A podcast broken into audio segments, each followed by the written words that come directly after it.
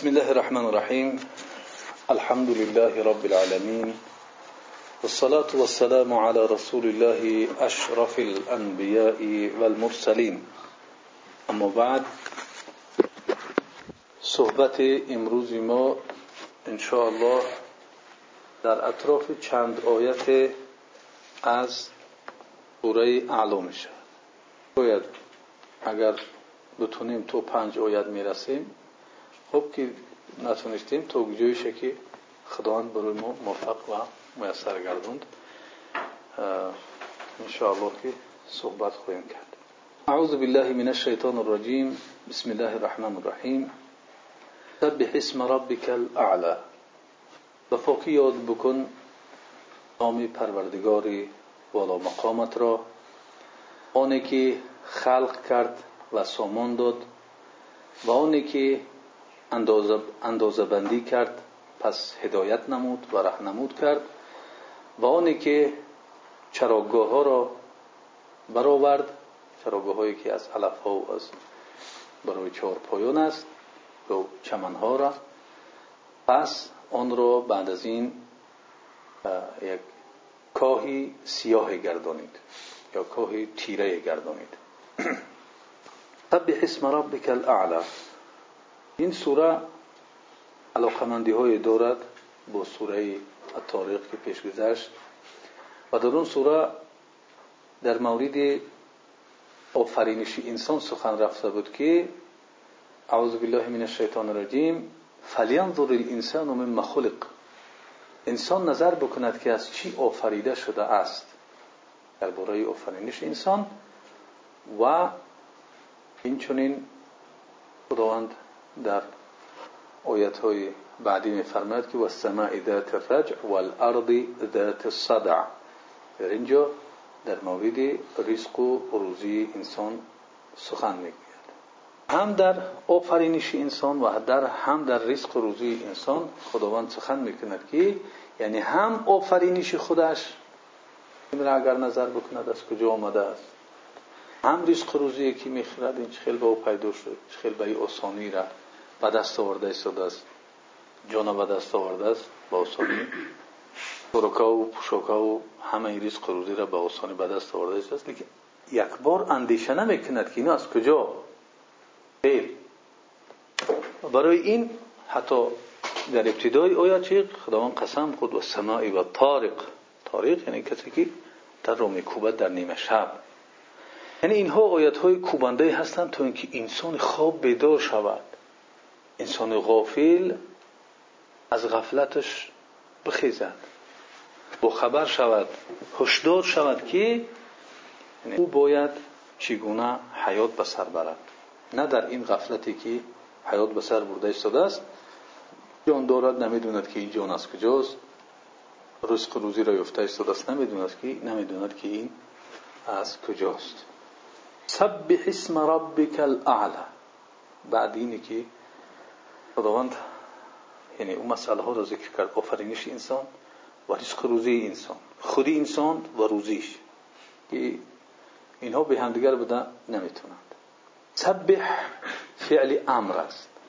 سبح به معنای تسبیح بگو. به پاکی یاد بکن. به بزرگی یاد کن. و این فعل امر در قرآن همه اون چیزی که از اون اشتقاق می شود یعنی همچون فعل های دیگر که این امر است با هست زمانی گذشته هست زمانی آینده هست مصدر. این شکل های فعل یا که کلمه های که از این کلمه سبح یا به این علاقمند هستند برای شای کلمه اینها غیر اینها هم دیگر اشتقاقاش در قرآن آمده است. مثال در مورد مصدرش اعوذ بالله من الشیطان الرجیم سبحان الذي اسرا بعبده. پاک است آن ذاتی که شب بندش را برد. در آیات های دیگر زیاد هست. سبح لله ما فی السماوات و ما فی الارض. موضوع است یعنی زمان گذشته. سبحان مصدر بود. سبح فعلی زمانی گذشته یعنی اون که سبح تسبیح گفت و پاکیات کرد. سبح لله و پاکیات کرد خداوند را. ما فی السماوات و ما فی الارض. اون که در آسمان ها و زمین است. یسبح لله ما فی السماوات و ما فی الارض. این در زمان حاضره آینده. و مستر رو گفتیم که سبحان الذي اسرا بعبده و مضارعش یسبح لله ما فی السماوات و ما فی الارض. ولی سبح اسم ربک الاعلى یکم بار در اینجا به شکل امر میآید. به شکل امر به شکل فرمایش میآید. سبح اسم ربک الاعلى هر فرمایشی که در قرآن هست دلالت وجوبیت یا دلالت فرضیت می‌کند حتمیت می‌کند. مگر یگون چیزی رو اگر که از وجه واجبیتش بیرون نکرده باشد اگر کرده باشد خوب کرد. اگر نکرده باشد مطلق بیاید. امر امر همش چی است حتمی باید که اجرا شود. سبح اسم ربک الاعلى معنای سبح, سبح اگر به تشدید بیاید سبح فلان فلان سبح فی الكلامی یعنی گپ رو زیاد کرد. گپ رو زیاد کرد. اگر بگیم که سبح فلان فی الماء فلان نفر در آب غوطه خورد آب بازی کرد. به معنای آب بازی هم میآید.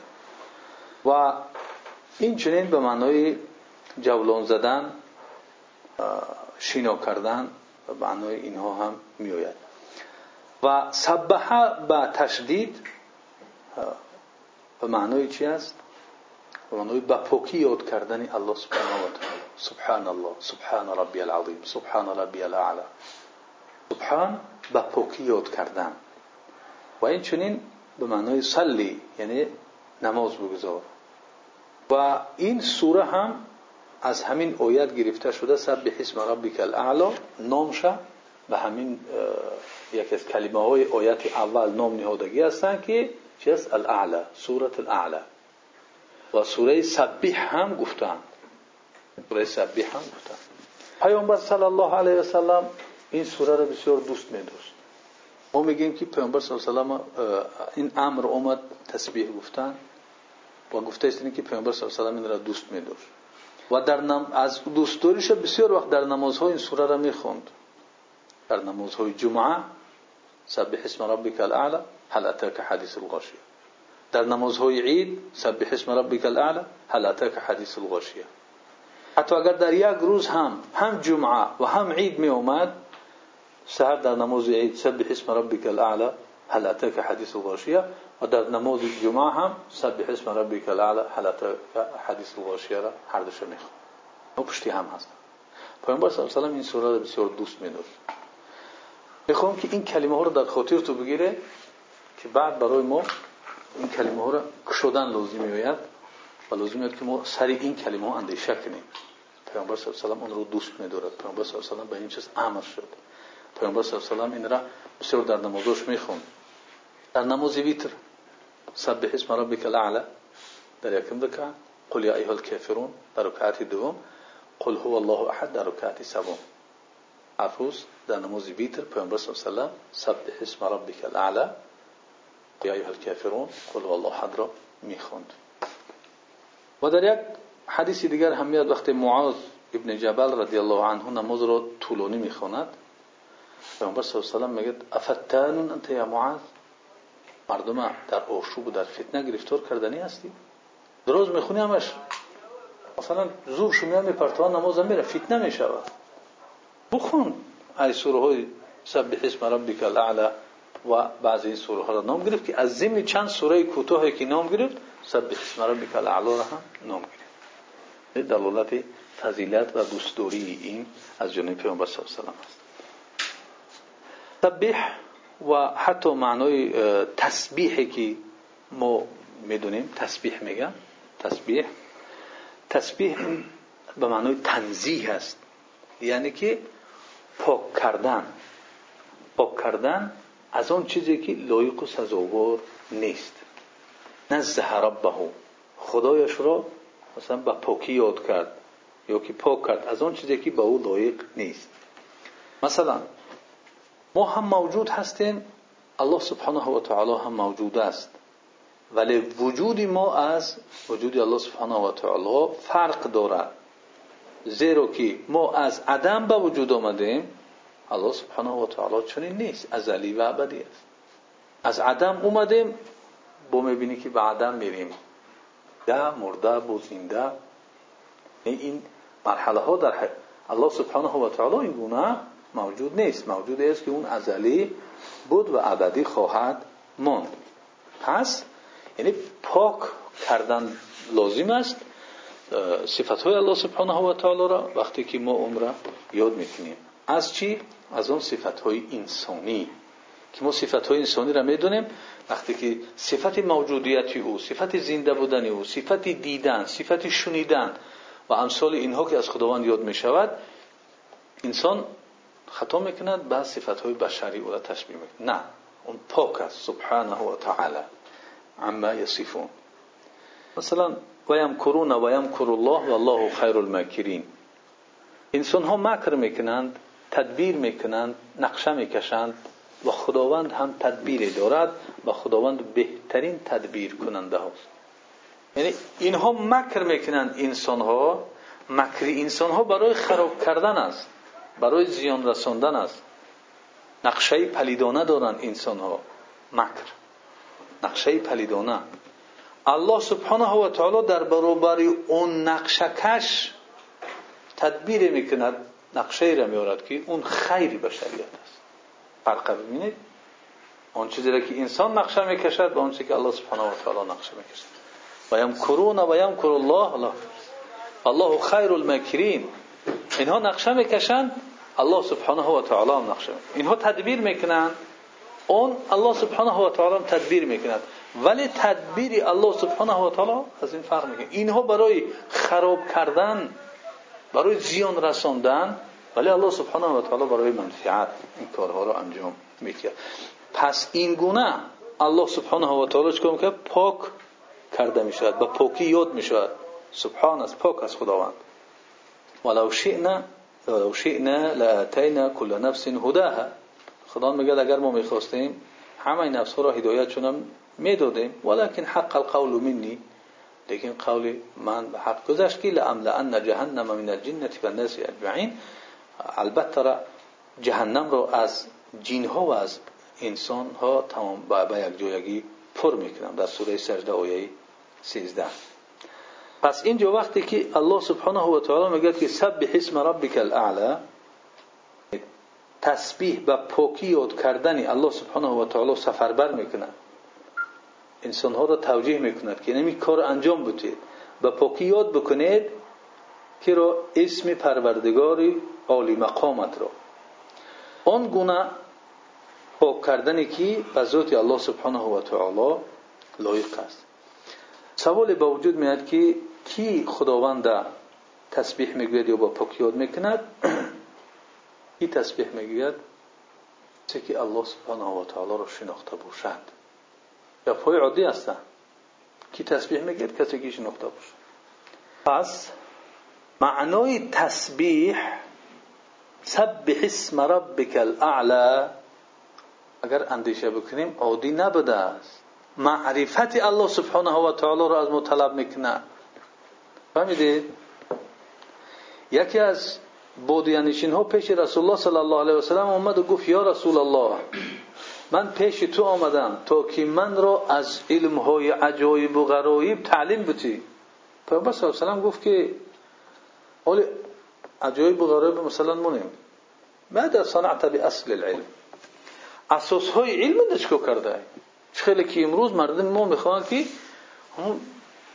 بالوش قبض زدن بگیرن آخرون چیزها رو می‌خواهن که بگیرن عجایب و غرایب پیش پیامبر صلی الله علیه و می اومدن یک تنیمتا می اومد از اون بودیانشینا بودن دشتی بودن لیکن امروز اکثر مردم همه دشتی شده بودستن اعرابی شده بودستن پیامبر صلی الله علیه و گفت که اصلی علم خاطر چیکار کردی تو ولی درجه اول علم قدم های اول علم پایه علم فوندامنت علم خاطر چیکار کرده عربی گفت که اصل علمش چیه بولوش طلب داره و آخرونش طلب داره و اصلش نمی‌دونه. میگه اصل علمش چی است پیامبر صلی الله گفت که آیا پروردگار رو شناختی؟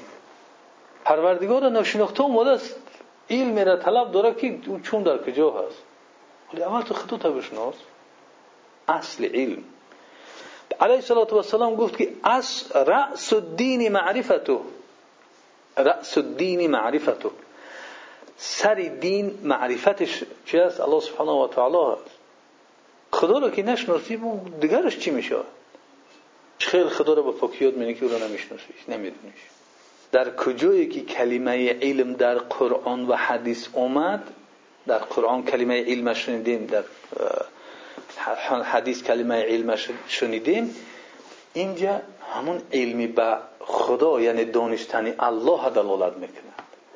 این معنای آن را ندارد که انسان خدا را شناخت. دیگر یک کسی می شود که از دست او نه ماشین روز کردن میآید نه خونه روز کردن میآید نه متدیک تعلیمی میآید نه اقتصاد میآید نه اجتماع میآید نه نه. این گپ این معنا را ندارد. معنای آن را دارد که خداوند ببینید اولین فرمانی را که در قرآن میتید اقرا بخون میگه. ولی خواندن بیبند و بارانه نه. اقرا بسم ربک الذی خلق. به نام پروردگارت که خلق کرده است. خواندنت باید رب داشته باشد. بسم ربک. به نام پروردگار اینجا هم سبح اسم ربک الذی اسم ربک الاعلى تسبیح بگو اما نام پروردگار خودت که اون بالا مقام است. پس وقتی که انسان می‌خواهد پاکی یاد بکند الله سبحانه و تعالی را. که نشناسه او را چخیل از چی پاکش می‌دوند او را؟ وقتی او را تنظیح می‌کنی با پاکی یاد می‌کنی که او را بشناسیش. اگر درباره یک انسان یک کس خبر تو خبر بد بسیار کار بد میند انسان ناخوب است. وقتی که میشناخته باشی او انسان میگوی نه این گپی تو دروغ است این گپای گفته است عکس ای بسیار آدم خوب است بسیار فلان فلان هم خیلی می‌شود گاه رخ میتید یک کس میآید یک انسان بد میگد ولی وقتی که میدونیش او انسان پاک می‌کنی انمی ای تسبیح میگوی که نه او انسان خوب است او انسان غیبتچی نیست او خبرکش نیست او می‌دونه حدیث را که می‌دونه آیت را که ولا یغتب بعضکم بعضا. بعض بعض غیبت نکنه حدیث را می‌دوند که القتات لا يدخل الجنه خبرکش جنت نمیدروید خبرکش آدمی جنتی نیست. او نمی‌خواد به سبب غیبت زید خدا کار بکند. او نمی‌خواد که به سبب خبر کشیدن از جنت خودش محروم بکنه. از کجا این گپا را گفت؟ از اون که او را میدونیست. میشناخت آدم اگر نشناسه پیش یک کس یک کسی که نمیشناسیش مثلا بگن که در امریکا یک بچه احمد نون داره بسیار بچه گنده است بسیار آدمی نوخوب است بعضی صفت های بعد از ذکر کنن ما چی گفته می‌تونیم نه امریکا رفته نه احمد می‌تونه خب می نمیستیم خیلی است زیرا که ما نمی‌دونیم او را برای تنزیح برای با پاکی یاد کردن دونستن لازم است پس وقتی که الله سبحانه و تعالی میگه سبح اینجا معنای تسبیح در دست گرفته تسبیح گردوندن نیست. در زمان ما معنیش همیشه است درست است. اگر انسانی که بدوند این فایدهش دارد. ولی انسانی که تسبیح فقط همی بدوند او غلط کرده است. تسبیح چیزی بالاتر از اون یک تسبیح گردوندن است. تسبیح بسیار امری است که سبح اسم ربک الاعلى خدا رو با پاکی یاد کن چخیل یادش مینی باید بشناسی او را که یادش بکنی نشناسی چخیل یادش می‌کنی الله سبحانه و تعالی باید شناخته شود تو اینکه او با پاکی یاد بشه در آخر زمان میگه وقتی که این کلمه های بزرگ چی کرده می‌شد مضمونش فقط چی است همون یک تسبیح گرفتن سبحان الله سبحان الله سبحان الله گفتن خیال می‌کنه که همین است و نمی‌فهمد که این سبحان الله خودش چی معنا دارد و باید چی علم را داشت که ایره گفت. و این چی فرمان است؟ این را درک نمی‌کنه پیامبر صلی الله علیه و سلم ما برمیگردیم کمتر بر بعضی حکم هایی که علاقمند است به همین سبح اسم ربک الاعلی وقتی که این آیت نازل شد پیامبر صلی الله علیه و سلم گفت که این را در سجده تو بگردونید در سجده تو مونیش. سبحان ربی الاعلى سبحان ربی الاعلى سبحان ربی الاعلى سبح بسم ربک العظیم آمده بود او را گفت که شما در رکوع مونید یا سبحان ربی الاعلا را گفت که اینا در سجده تو قرار بدید فرمان با پیامبر صلی الله علیه و است.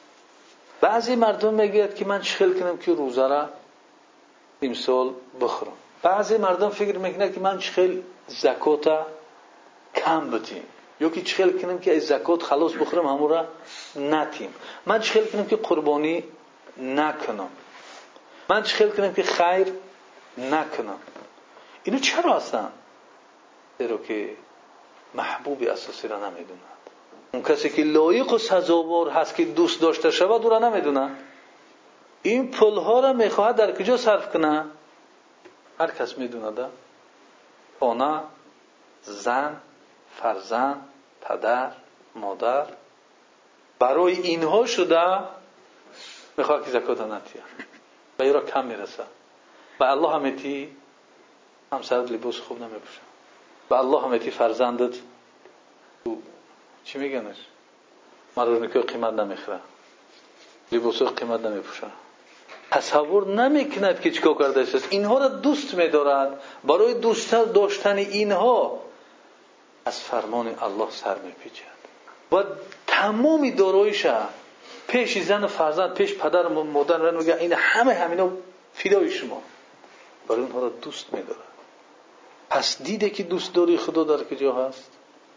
اگر انسان به حقیقت الله دوست بدارد کو او صحابه کرام اومد از بیرونی باغ صدا زد که ای زن فرزندش گو ببرای این باغ از الله هست. دادمش به الله. ببرای دیگه ما حق نداریم اینجا. خودش نداره اومد دیگه. او ذات شناختی او را دوست داشتی راهی گریز از دستی او محبوب نیست بلکه میخوایی با او محبوب علاقه داشته باشی. زیرا که علیکم السلام و رحمت الله و برکاته. اون محبوب در کار می شود برای ما هم در دنیا و هم در آخرت. هل ینظر الانسان من مخلق انسان نظر بکنید از کجا آفریده شد؟ و سماء ذات الرجع و الارض ذات الصدع رزق روزی را هم همو می‌کرد. الله سبحانه و تعالی می‌دید دوست داشتن الله سبحانه و تعالی. و این کسانی که در دنیا دوست میداره از زن فرزند اینها را منع نمی‌کند از همون چیزی که برای آنها میتی. اگر که به یک مقدار معین رسید و یک سال گذشت استفاده کرده دو نیم فایز میگه 97 نیم فایز شبیه استفاده بر 97 نیم فایز استفاده می‌برد. می‌خواد که از همون دو نیم فایز هم استفاده بکنه. دوست و محبت الله سبحانه و تعالی. همون دو نیم فایز هم می‌خواد یک حیله بکند که کمتر بشود. دو فایز بشود یک نیم فایز بشود. والله انسان حقیقتی خود شود. حقیقت ذات الله بفهمد که در چی مقام ها باید باشد چگونه با علاقه داشته باشد شرم میدورد از این کارها یکی از انسان ها رو ما در قید حیات شاید که زنده باشد. ما شناس شدیم. می‌دونیم که اون نفر خداوند در حیات فرزندش نداد به حکمت نبودیم. لیکن انسانی بود که کارچلان بود. از دستش کار می اومد زواد ها فابریک ها همین بعضی چیزها کرد ثروتمند شد ثروتمند بود. حتی در همون دیه و در همون زندگی می‌کرد ناحیهشو اگر میگذشت یک جوانی را می‌دید که بیهوده رفته است قرار می‌کرد میستو چیکار می‌کنی می‌پرسید احوال پرسیش می‌کرد. اگر می‌دید که بیکار است می‌گفت با جای کاری من بیا من با تو مسلحت می‌کنم.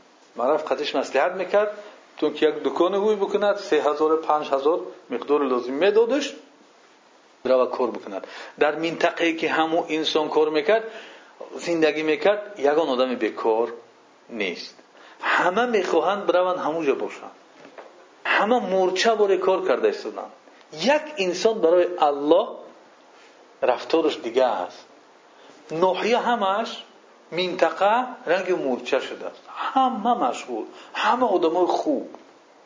رفتاری برو نگه که زیرا می‌خواهند که مثل همه باشه اون نفر دوونیم فویز نه ده فویزی شد در راه الله قرار داد. درآمد او کم نبود. با او درآمد ده فویزش دید صدا مدرسه ها اینستیتوت اونیورسیت درست کرد. اینستیتوت اونیورسیت درست کرد. ده فویزی در آمدش قدی و وقتی که عمر میگذرد از پنجاه و پنجاه و پنج این طرف بعد یک اندیشه اون ده فایزی که میده ده فایز می‌گیره. 90 فایز به الله هم میده. ده فایز فقط برای خودش میموند. 90 فایز برای الله مقرر می‌کنه میگه خداوند من در این دنیا فرزند نداد. ولی این همه طلبه ها و طور استودنت ها و استودنت ها و معلم ها همشون فرزند های من خداوند این قدر من فرزند داد. خداوند فرزندی سلبی من گرفت ولی این قدر انسان ها رو برای من نصیب آیا الله سبحانه و تعالی را آنگونه که لایق هست سزاوار است؟ ما یادش می‌کنیم با پاکی یاد می‌کنیم. خب. یا اینکه سوال میتیم که پروردگار ما چگونه تر به پاکی یاد بکنیم؟ از هر عیب و از هر نقصان الله سبحانه و تعالی را باید که پاک نشان بدیم. الله سبحانه و تعالی ما را می‌پرسد که آیا تو من شناختی؟ ای فرزندی آدم اطلبنی تجدنی من را طلب که تو پیدا می‌کنی. مشکل در چی بوده است؟ مشکل در یافتن نبوده است. مشکل در طلب کردن بوده است. اطلب نمیگه. تو من طلب کن. من پیدا می‌کنی. نگفت که شما طلب بکنید بعضید میوید هر کی الله طلب بکند پیداش می‌کند.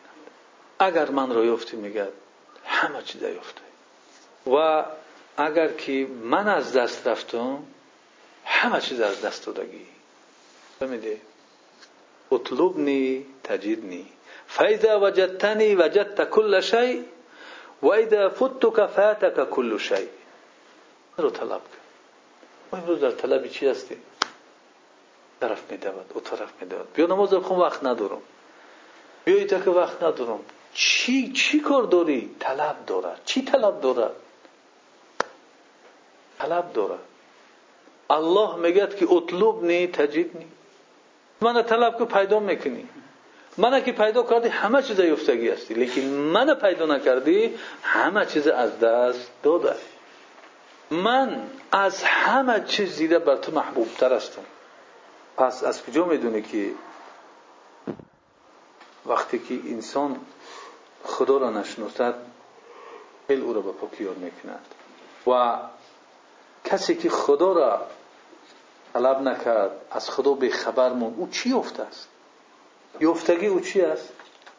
ولی من را خبر بده که کسی که الله سبحانه و تعالی را شناخت این را بوی داده است؟ میگه گر چنده که پدر من نون خوردنش نمیافت ولی پنج وقت نمازش می‌خوند پدر من نون خوردنش نمیافت ولی از خدا میترسید. زنا نمی‌کرد. عرق نمی‌خورد ظلم نمی‌کرد. زور بود پدر من لیکن ظلم نمی‌کرد. فخر می‌کند فرزند فخر می‌کند زن. شوهر من بهترین شوهر میگه. از الله میترسید. کوشش می‌کرد مثل پیامبر صلی الله علیه و زندگی کنه چرا که خداوند گفته بود که این کنتم تحبون الله فتبعون یحببکم الله. اگر شما خدا را دوست می داشته باشه پس از من پیروی کنید. خدا شما را دوست می دارد سوره اول عمران پس وقتی که الله سبحانه و تعالی باشد با تو برزیدی تو کیست؟ و وقتی که الله سبحانه و تعالی بر ضد تو باشد با تو کیست؟ این معادله ها باید اندیشه شوند. وقتی که با همراهی تو الله هست اون کسی که بر ضد تو است اون کیست؟ تمام دنیا باشند هیچ کس. تمام دنیا باشند هیچ کس است. و اگر که خداوند بر ضدت باشد تمام دنیا با تو باشند اون کیان؟ چیکار کرده می‌تونن خدا را؟ پس برای آنکه سبح اسم ربک الاعلا عادی میخونیمش میریم خداوند به پاکی یاد کن پروردگاری والا مقامت را. لازم بده است که ما خدا را بشناسیم. خدا را چه شناخته می‌شد به علم. خداوند را با علم شناخته شناخته نمی‌شود وقتی که انسان خدا را نشناسد نگاه کنید. الله سبحانه و تعالی میگه که فالهمها فجورها و تقواها. فالهمها فجورها و تقواها. از الله سبحانه و تعالی به نفس انسان الهام کرد. فجورها و تقواها. اون فجور گناه ها می‌شوند. تقوا چیزهای خیره. اگر تسبیح گوینده هستی می‌گویی چی می‌گویی؟ اگر انسانی که در حقیقت تسبیح می‌گوید میگید الهمها فجورها ای الهمها ان عملها هو هذا فجور. خب الهامش کرد می‌کند که وقتی این گوش کنید که وقتی که الهامش کرد فجورش رو کسی که خدا را می‌شناسد این گونه آیت می‌فهمد که الهامش می‌کند که این کاری تو گناه است. آیت این گونه می‌فهمد. الهام می‌شود در انسان که همین کاری که تو کرده استاده این گپی که تو زده استاده این رفتاری که تو داری گناه است. یک خریدار میآید. مناسبتی که داری کو الهامش میاد که کسی که خدا را می‌شناسد و سبح اسم ربک الاعلا را اطاعت کرده خدا را به پاکی می‌کند میگد که چه الهامش کرد که این کارش گناه است. وقتی که مناسبت ناخوب می‌کند این چیزی که از خطای اومده است میگد که از رسی است. پس این کاری گناه الله سبحانه و تعالی با او الهام کردگی است و گفت دانند است که چی؟ این عملش گناه است. اگر که الله سبحانه و تعالی را نشناخته باشد این آیت چخیل می‌فهمد؟ خداوند الهامش کرد این گناه ها را؟ خب، خداوند الهامش کرد که این گناه ها را بکند پس با بایی کارو کردگیش ایرا حساب و کتاب می‌گیرد و در آتش دوزخ داخلش کرد. که خدا را نمی‌شناسد این گونه آیت می‌فهمد میگه خودش گفت از در قرآن, در قرآن کو. فالهمها فجورها و خودش الهام کرد همون گناه در دل همون آدم کو. خودش الهامش کرد که همون گناه بکنه با حساب کتابش می‌گیره با دوزخش می‌گذاره انسانی که الله نشناسد سبح اسم ربک الاعلا را اجرا کردن نمی‌تونند و فهمیشش این گونه غلط می‌شد از قرآن. اگر که گفته تسبیح گوینده به حق باشد باز چگونه اون را تفسیر می‌کند یا ما می‌فهمد الهامش می‌کند که این عملش گناه است که عمل او را بهاگذاری می‌کند الله سبحانه و تعالی. وقتی که انسان دیگر این کارهای گناه انجام میتید نفسش به تنگی میآید. الهامش می‌کنه که این گناه است و این چنین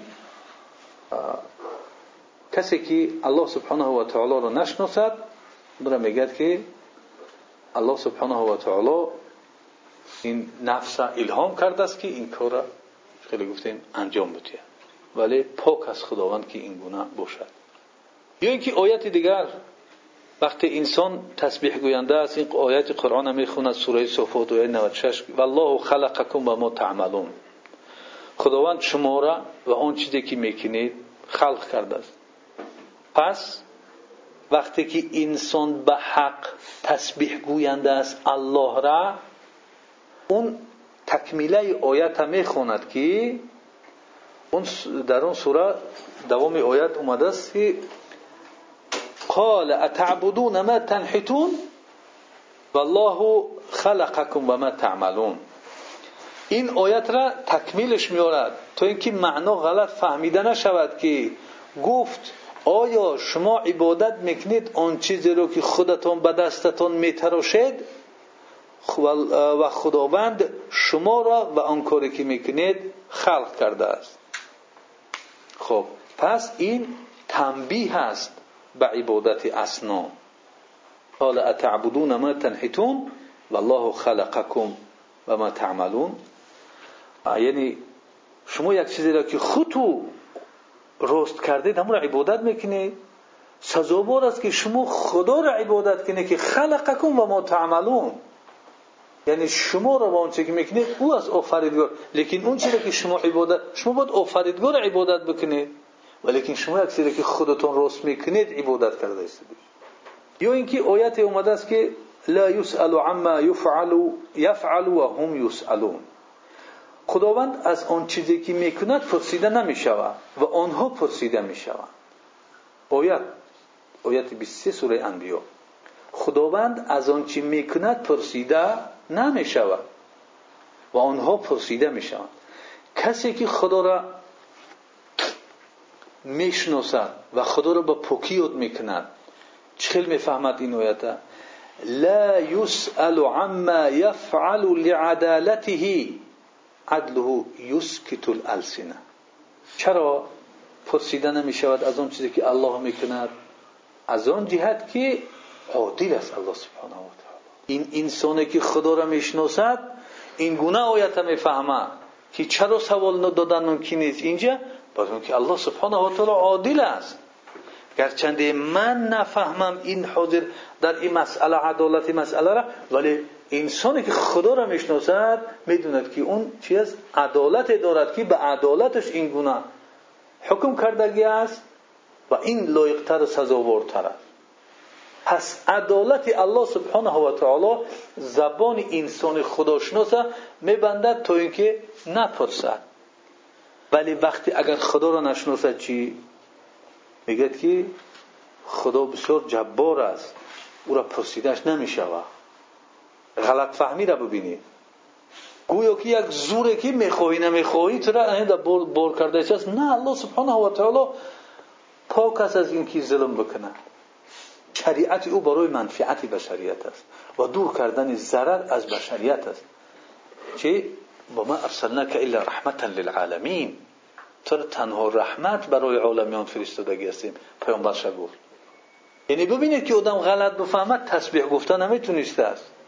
آیت می‌فهمد که ها پرسیدش نمی‌شود. لیکن میگه برای چی؟ او پرسیدش میشه میگه او. و نمیشوش پرسیده.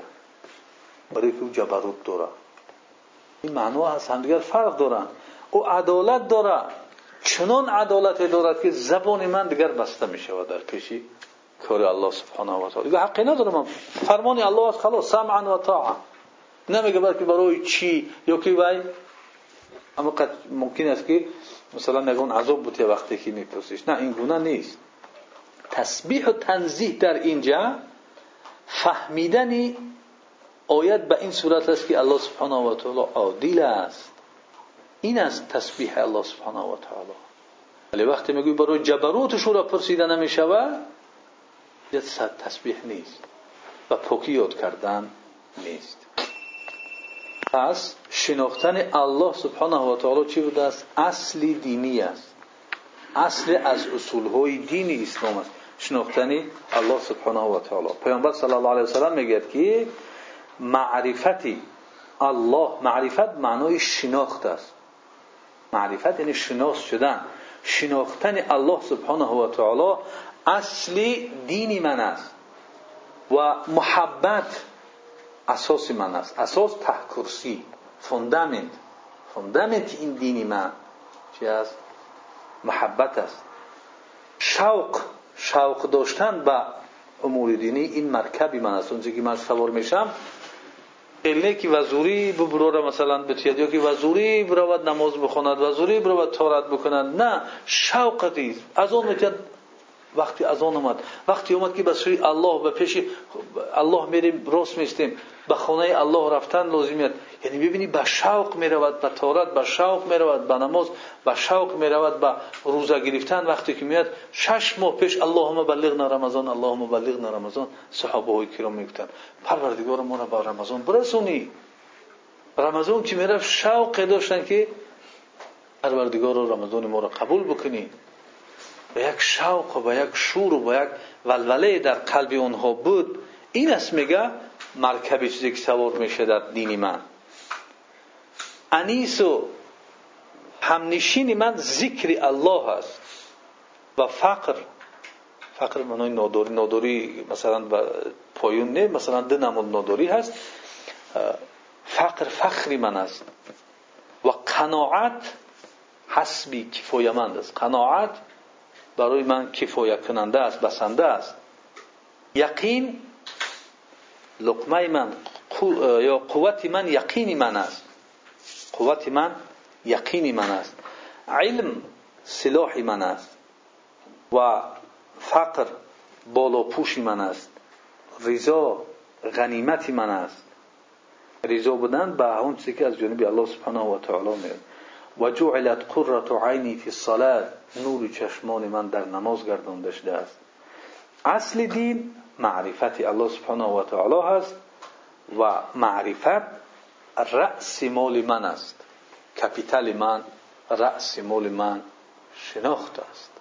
کپیتال اساسی رأس مال اساسی که پیامبر صلی الله علیه و گفت رأس مال من شناختن الله سبحانه و تعالی است.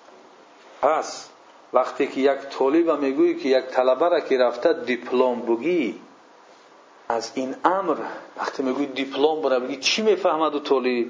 یعنی که برود با اداره اونیورسیتی یک طلب تقدیم بکند و بگد که برای من دیپلم دکترا بتوی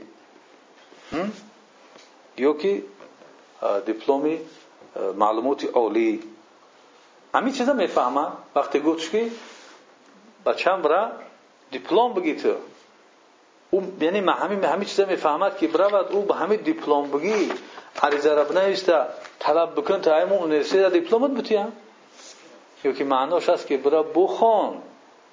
این امری که برا دیپلم بگی معنای دیگری را در در درونش دارد این کلمه سبی هم امر الهی هست که در درونش امر دیگری را دارد که باید انسان اون امر بدوند. یعنی سبحانه و است چرا؟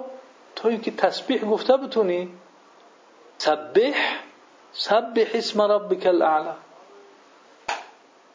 وقتی نداریم که با قرآن بشینیم. وقتی نداریم که در درس بشینیم. در یک آیت در یک کلمه میاییم می‌فهمیم که همه عمر برباد رفته است. در یک کلمه حال آیت سوره میاییم سبح باید کاش که کودک میبوده مثل یو سر می‌کردیم او شناختن الله سبحانه و تعالی.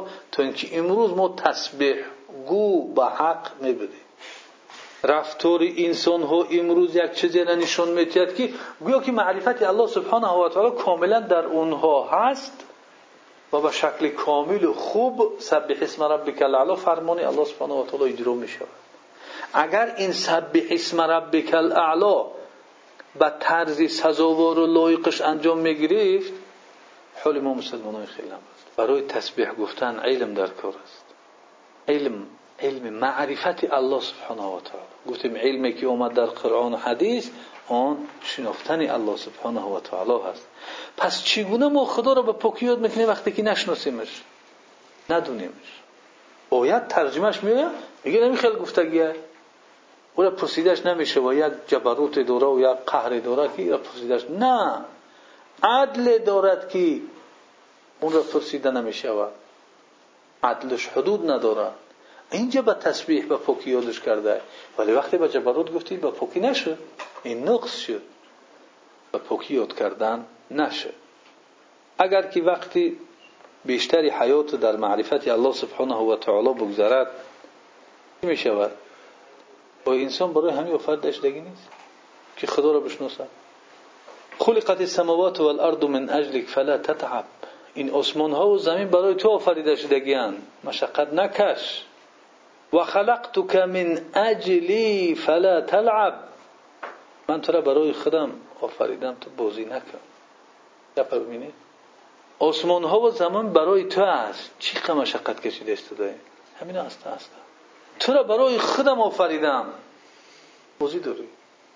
فلا تلعب بازی نکن. فبحقی علیک لا تتشغل تتشغل بما ضمنته لك عما افترضته عليك. با اون حقی که من بالای تو دارم تو مشغول نشو بر یک چیزی که من زمانتی او را برای تو دادگیم گارانتی او را برای تو دادگی هست خدا میگه. گارانتی و زمانت برای تو دادگی هست من را. تو برای این به حقی من دیگه به چیز مشغول نشو. از اون چیزی که من برای تو فرض گرداندم که برای مشغول شد یعنی برای خودم من تو آفریدم که با من مشغول شد یا همه دیگر در خدمت تو هستن آسمان و زمین. برای تو هستن. همین خیلی که پگه خداوند ما را. می‌پرسه جیب داشتی اینو کستوم یاپونسکی میپوشیدی گفتی حاجی که پنجاه هزاره گفت چند گفت اینو کستوم هم خیلی میپوشیدی پیامبر صلی الله علیه و ماه ها میگذشت دود نمیبرومد پس ما پیشرفته تریم هر روز چند بار دود میبروید از سر تو بگه اگر بخوایم از خانه های ما دود میبروید فقط به دود کردن مشغولیم به معرفت الله سبحانه و تعالی وقت نداریم زیرا که فقط از خانه های ما دود میبروید. پیامبر صلی الله علیه و سلم همسراش گفتن که یا رسول الله خیلی تنجی شد نفقه ما را نگه کن خوبتر کن. پیامبر صلی الله علیه و غمگین شد. همه زناشو جمع کرد.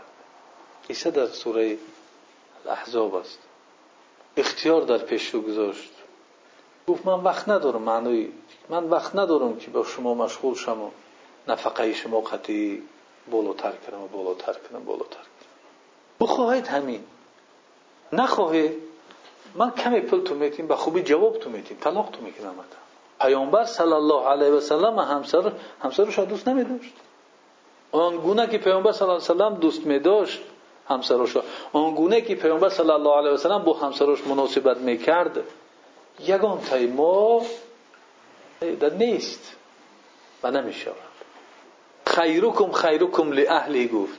لاهلی بهترین شما کسی است که به همون اهلش خوب باشه. و انا خیرکم لاهلی و من از همه شما بهتر هستم به اهل. مناسبتی که پیامبر صلی الله علیه و دعوا کرد به زن دارم ای همه شما خوبتر. من مناسبت می‌کنم. او بزرگ بود که اونها را می‌خواست که جواب دید لیکن مسئله مسئله دیگر بود. مسئله مسئله معرفت الله سبحانه و تعالی. مسئله مسئله مردم رو به خدا شناساندن بود بیاید انسان بها بگذارد با زندگی خود که این زندگی که دارم چی معنا دارد؟ در کجاست معرفت الله سبحانه و تعالی؟ خداوند میگه که آسمان ها و زمین را از برای تو آفریدم. مشقت نکش. را برای خودم آفریدم. بازی نکن. به حقی که بالای تو دارم با اون چیزی که من برای تو زمانت دادم مشغول نشو از آن چیزی که بر بالای تو فرض گرداندم. یعنی علاقه با خود. این امر الهی است. تبه یعنی به پاکی یاد بکن. یعنی این گونه الله سبحانه و تعالی را شناختن در کار است که وجود او غیر وجود ما هست. شنوایی او غیر شنوایی ما هست. بینایی او غیر بینایی ما هست. حلم او نرمی او غیر اون حلم و نرمیه که ما داریم است. رفتار او غیر رفتار ما هست. از آن چیزی که سزاوار نیست الله سبحانه و تعالی را پاک دونستن در کار است. این است معنای سبح اسم ربک الاعلا. خب معنای دیگری هم دارد اینجا که به معنای تعظیم است. سبح یعنی به بزرگی یاد بکن. الله سبحانه و تعالی را به بزرگی یاد بکن. فان تؤفکون. ای انتم ذاهبون. پس شما به کجا می‌روید کدام طرف روانه هستی؟ چی چیز شما را مشغول می‌سازد چی چیز شما را نجات میتید مقصد تو چیست؟ به کجا روانید؟ سوالو را باید جواب بتیم در ضمن این گفته خداوند که اعوذ بالله من الشیطان كذلك يؤفك الذين كانوا بآيات الله يجحدون. این گونه کسانی که به آیت های خدا آیت های خدا را انکار می‌کردن آنها چیکار می‌کردن؟ می‌رفتن. از آیت های الهی می‌رفتن. از نزد اینها از آموختن اینها. مشغول میشیدن به دیگه چیز. علیکم سلام مشغول میشیدن به دیگه چیز.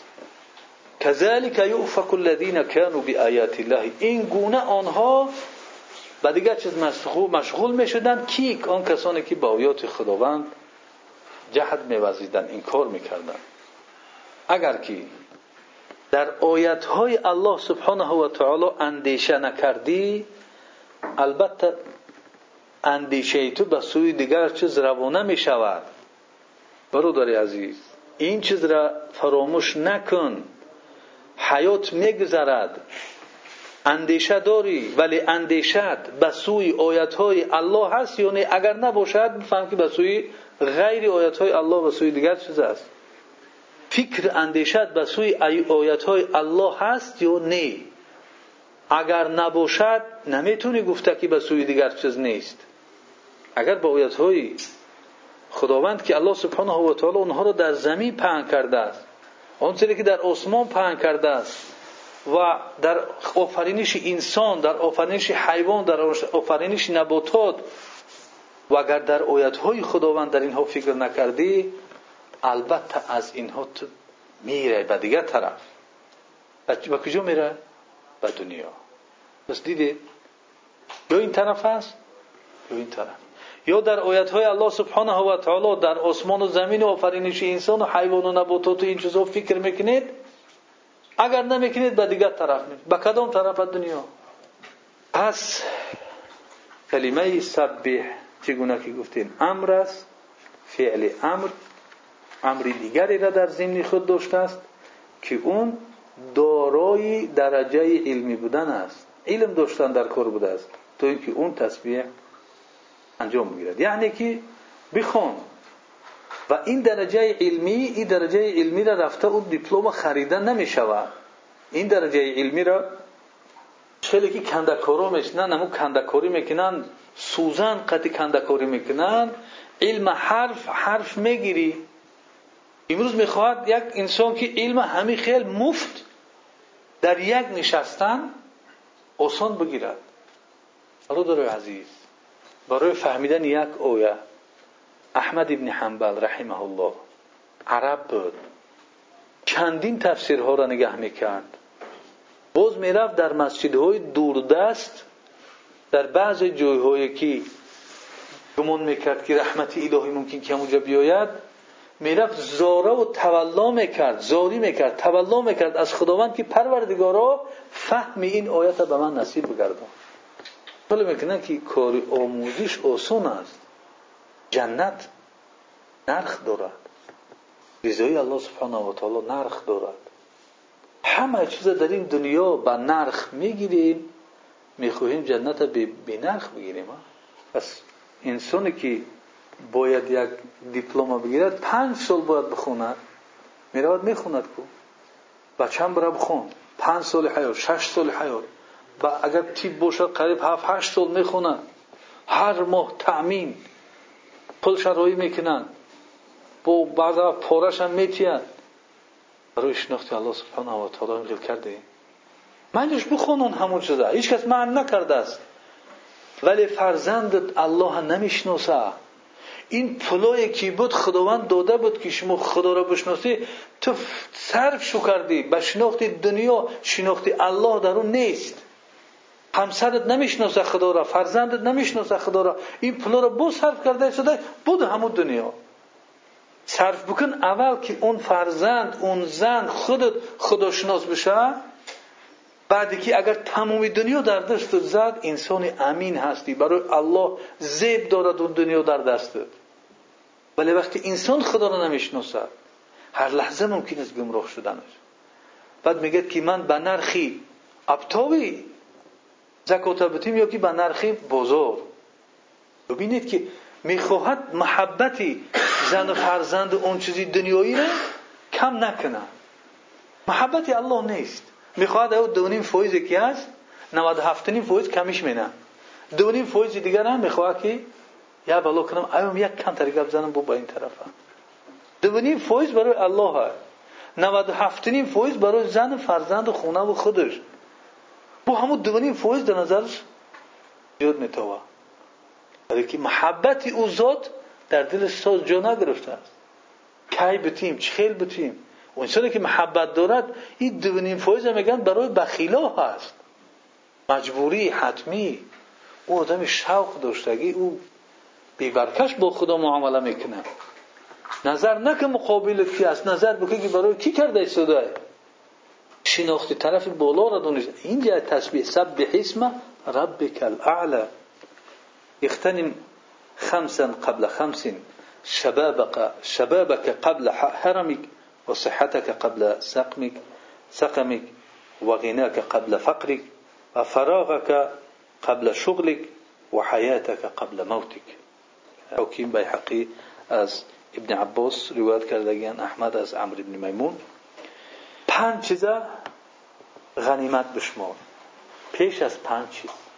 جوانی تا پیش از پیرید غنیمت بشمار آن چیزی را که در جوانی کرده می‌تونی در پیرید کردش نمی‌تونی جوانی را همه را برای دنیا صرف کن پیرین در بیا برای دین می‌خوای بکنی هیچ که کرده نمی‌تونی.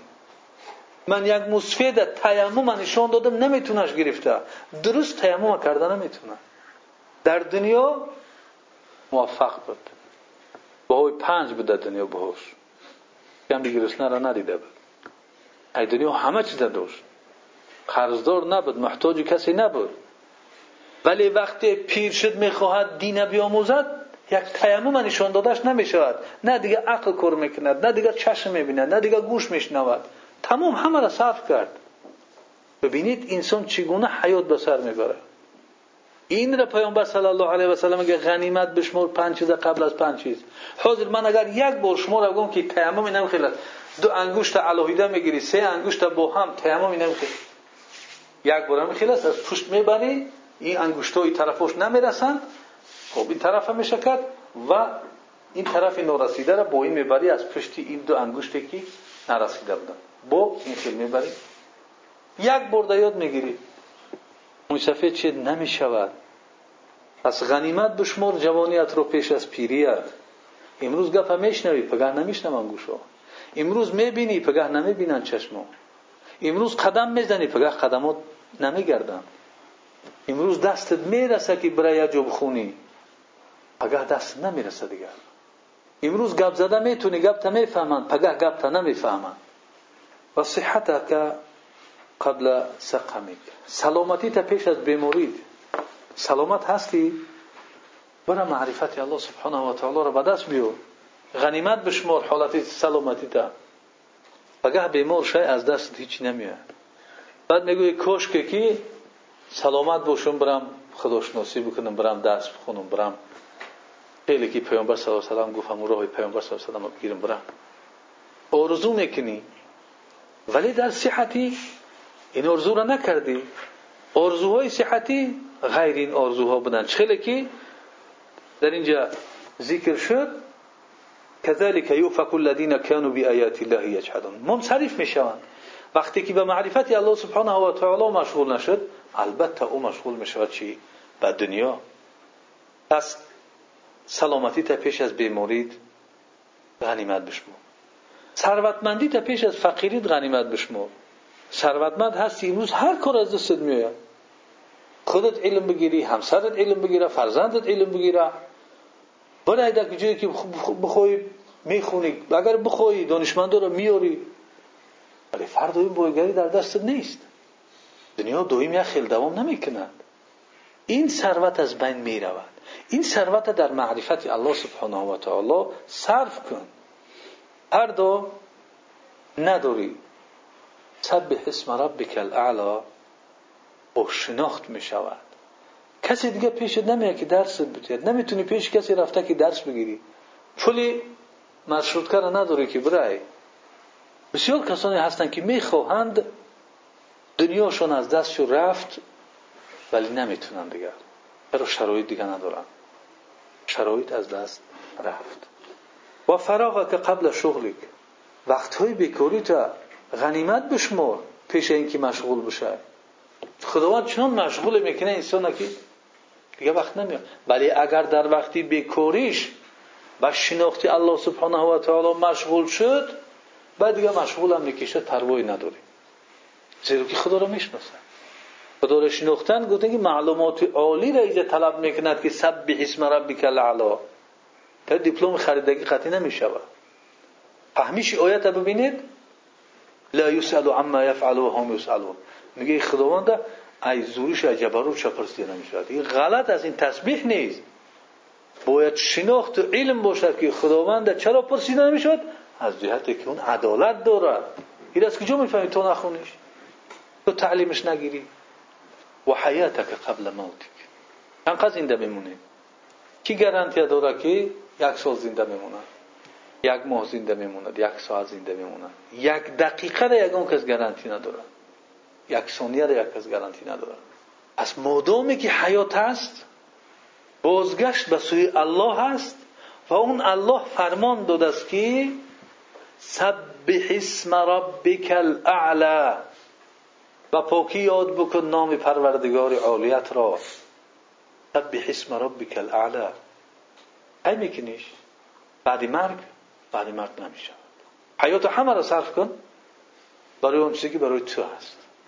ولیکن اون چیزی که تو برای او هستی و از اون پرسیده خواهی شد وقت ندارد در زندگیش. خود را نجات دادن در کار است. وقتی که زنده هستیم زن گرفتگی هستیم زنها را نجات دادن در کار است. فرمان الله است. قو انفسکم و اهلیکم. وقتی که پروای نجات زن نداری یعنی که فرمان الله بی پروایی کرده ایستاده فرزند نجات دادن در کار است. وقتی که این پروایی نداره که فرزند نماز می‌خوند یا نمی‌خوند فرمان الله بی پروایی کرده ایستاده میگذرد حیات. کی می‌تونی که معرفتی الله با اونها بفهمونی و کی اونها سب به اسم ربک الاعلا کرده می‌تونن و خدا را به پاکی یاد می‌کنن. خب شما شتاب بکنید به عملهای صالحه پیش از اینکه چه؟ مرگ فرا بگیرد. سبح اسم ربک الاعلا به این چیز انسان باید که شتاب بکنه. یعنی که پروردگارت را بشناس تا اینکه او را بزرگ بدانیش خداش را نمی‌شناسه. ولیکن دیگر چیزا را بسیار خوب می‌دونن از جهت بزرگ داشت و از جهت پاک دونستن الله سبحانه و تعالی باید انسان حیاتش صرف بکنه.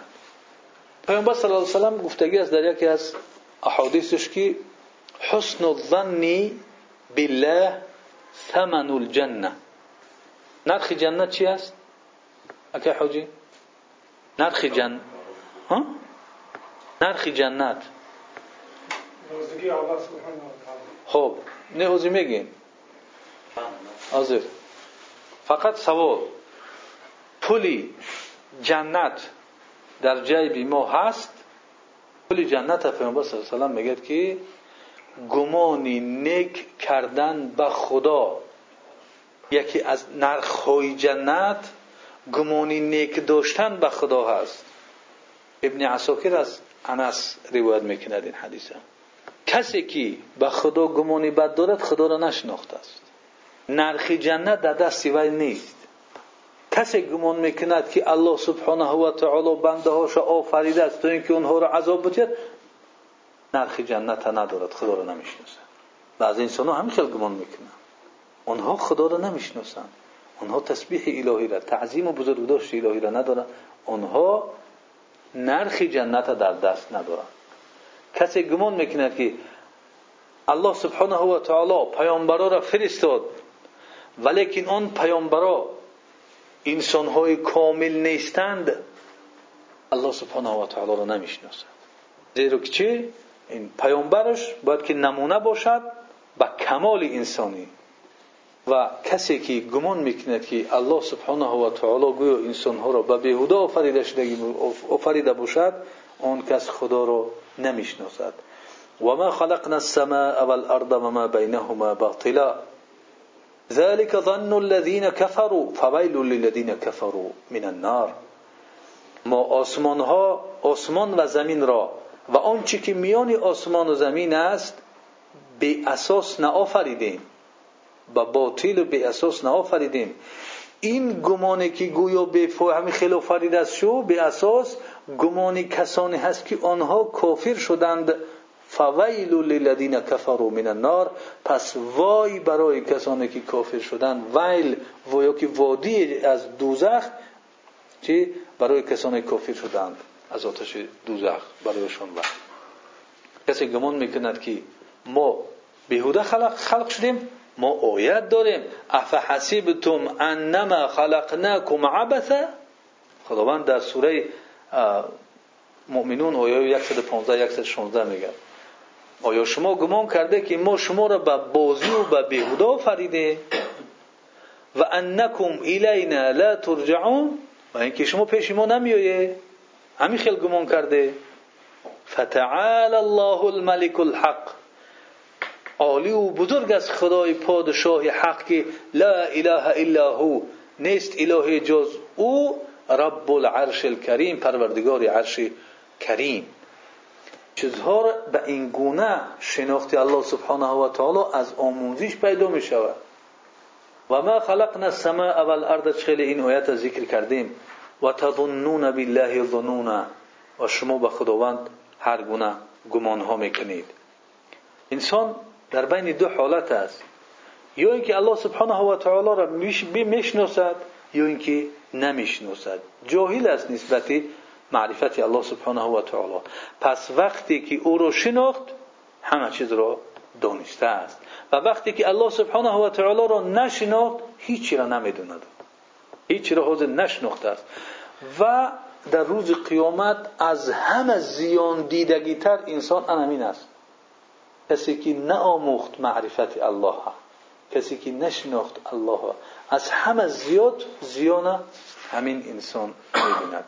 پس سبح اسم ربک الاعلا معنایش این است که پاک بکن و پاکی یاد بکن الله سبحانه و تعالی را و به پاکی یاد کردن محتاج به چی بوده است؟ به معرفت.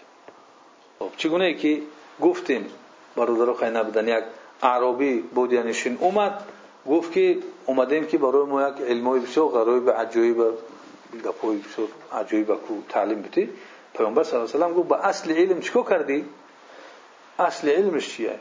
اساس فوندامنت علم خاطر چیکار کردی؟ اب بگیدیش خاطر چیکار کردی؟ حضور اومده خودت کاندیداتی و دکتری مسئله پرسیده شده این اصلش خاطر چیکار کردی؟ گفت که آیا پروردگار تا شناختی پیامبر صلی الله اصل علم. انمین است اصل علم. شناختی پروردگار. به این چیز مشغول شدی؟ از این جهت است که امام غزالی گفته است در کجایی که کلمه علم وارد شده است معناش معرفت الله سبحانه و تعالی است. علمی به خدا. زیرا که علمی خداشناسی این چی است؟ بسیار نرخی بسیار کلان و گران است و نتیجه های یعنی داد این نرخ هم چی است؟ بسیار بزرگ است. ولی نتیجه های علم مادی باشد اون فقط در دماغ انسان در مینه انسان باقی موند انسان را می‌بینی که وقتی که معرفت الله سبحانه و تعالی ندارد علم زیاد دارد عالم علامه است ولی با وجود داشتن این دیپلم های علمی کلان میبینیش که بخیل است. دوانی فویزه می‌خواه که کم کنه. حق دارد دوانی فویزه که زکات می‌خواه کمش کنه. با وجودی که علم داره لیکن علم او فایدهش نکرد. می‌بینی که انسان سخت دل است.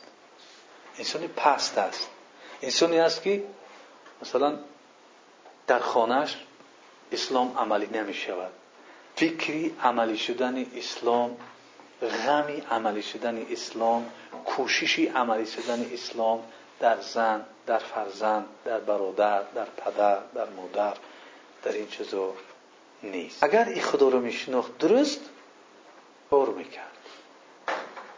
زحمت می‌کشید. همه داروی همه وجودش صرف می‌کرد تا اینکه زن از دست نتیه فرزند از دست نتیه پدر از دست نتیه مادر از دست نتیه رو از دست نتیه ولی ببینید که وقتی که انسان خدا را بشناسد این خیلی روحیه بلند دارد. وقتی انسان خدا را نشناسد روحیش بلند نمی شود وقتی که انسان علم می‌گیرد و علم با کوشش نتیجه ای اون نرخی که را به دست میارد نتیجه هاش بسیار بزرگ هستند و علمی که در معرفت الله سبحانه و تعالی است مثل اون علمایی که برای دنیا هر کسی که علمی برای دنیا می‌گیرد در دماغش نمیستد بلکه این علمی که برای الله سبحانه و تعالی گرفتش اون چکار مینه و قلبش میاد و در وجود او اون علم می‌رود اثر می‌کند. انسان نگاه می‌کنی که حلیم شد. حضرت عمر که یک مقصد قدر میگن درشت بود قدر در اسلام ملایم شد. و انسان بسیار اولی همت می‌کند. انسان بسیار مهربان می‌کند. انسان با انصاف می‌کند با عدالتش می‌کند. قلبش بسیار نرم می‌شود. و از این جهت علما و دانشمندای حکیم از فقهشان میگد قریب بود که انبیا بشوند. این علم انسان به همین درجه می‌رسد علما علمای حکیم علمای دانشمندای حکیم. وقتی حکیم یعنی که به همون علم عمل کننده. با اون علمش اینقدر حکیمانه رفتار می‌کند که از او فقه از او علم از دانشش قریب که به درجه میگه چی؟ انبیا می‌رسن. اگر انبیاگی ممکنی بود ممکن که به طریق علم و به طریق حکیمانه با اون علم عمل کردن. علم عمل چه انبیا می‌شدن. دیگه که انبیا نمی‌شوند ولی این گونه رفتارها را می‌کنند. و این گونه به این درجه های بلند خود را میرسونند که این درجه ها را الله سبحانه و تعالی قدر می‌کنند. اولیا میگن بعد دوست خدا. چرا الله سبحانه و تعالی گفت که سبح سبح اسم ربک و چرا نگفت سبح الله؟ گفت نام پروردگار بزرگ تا تسبیح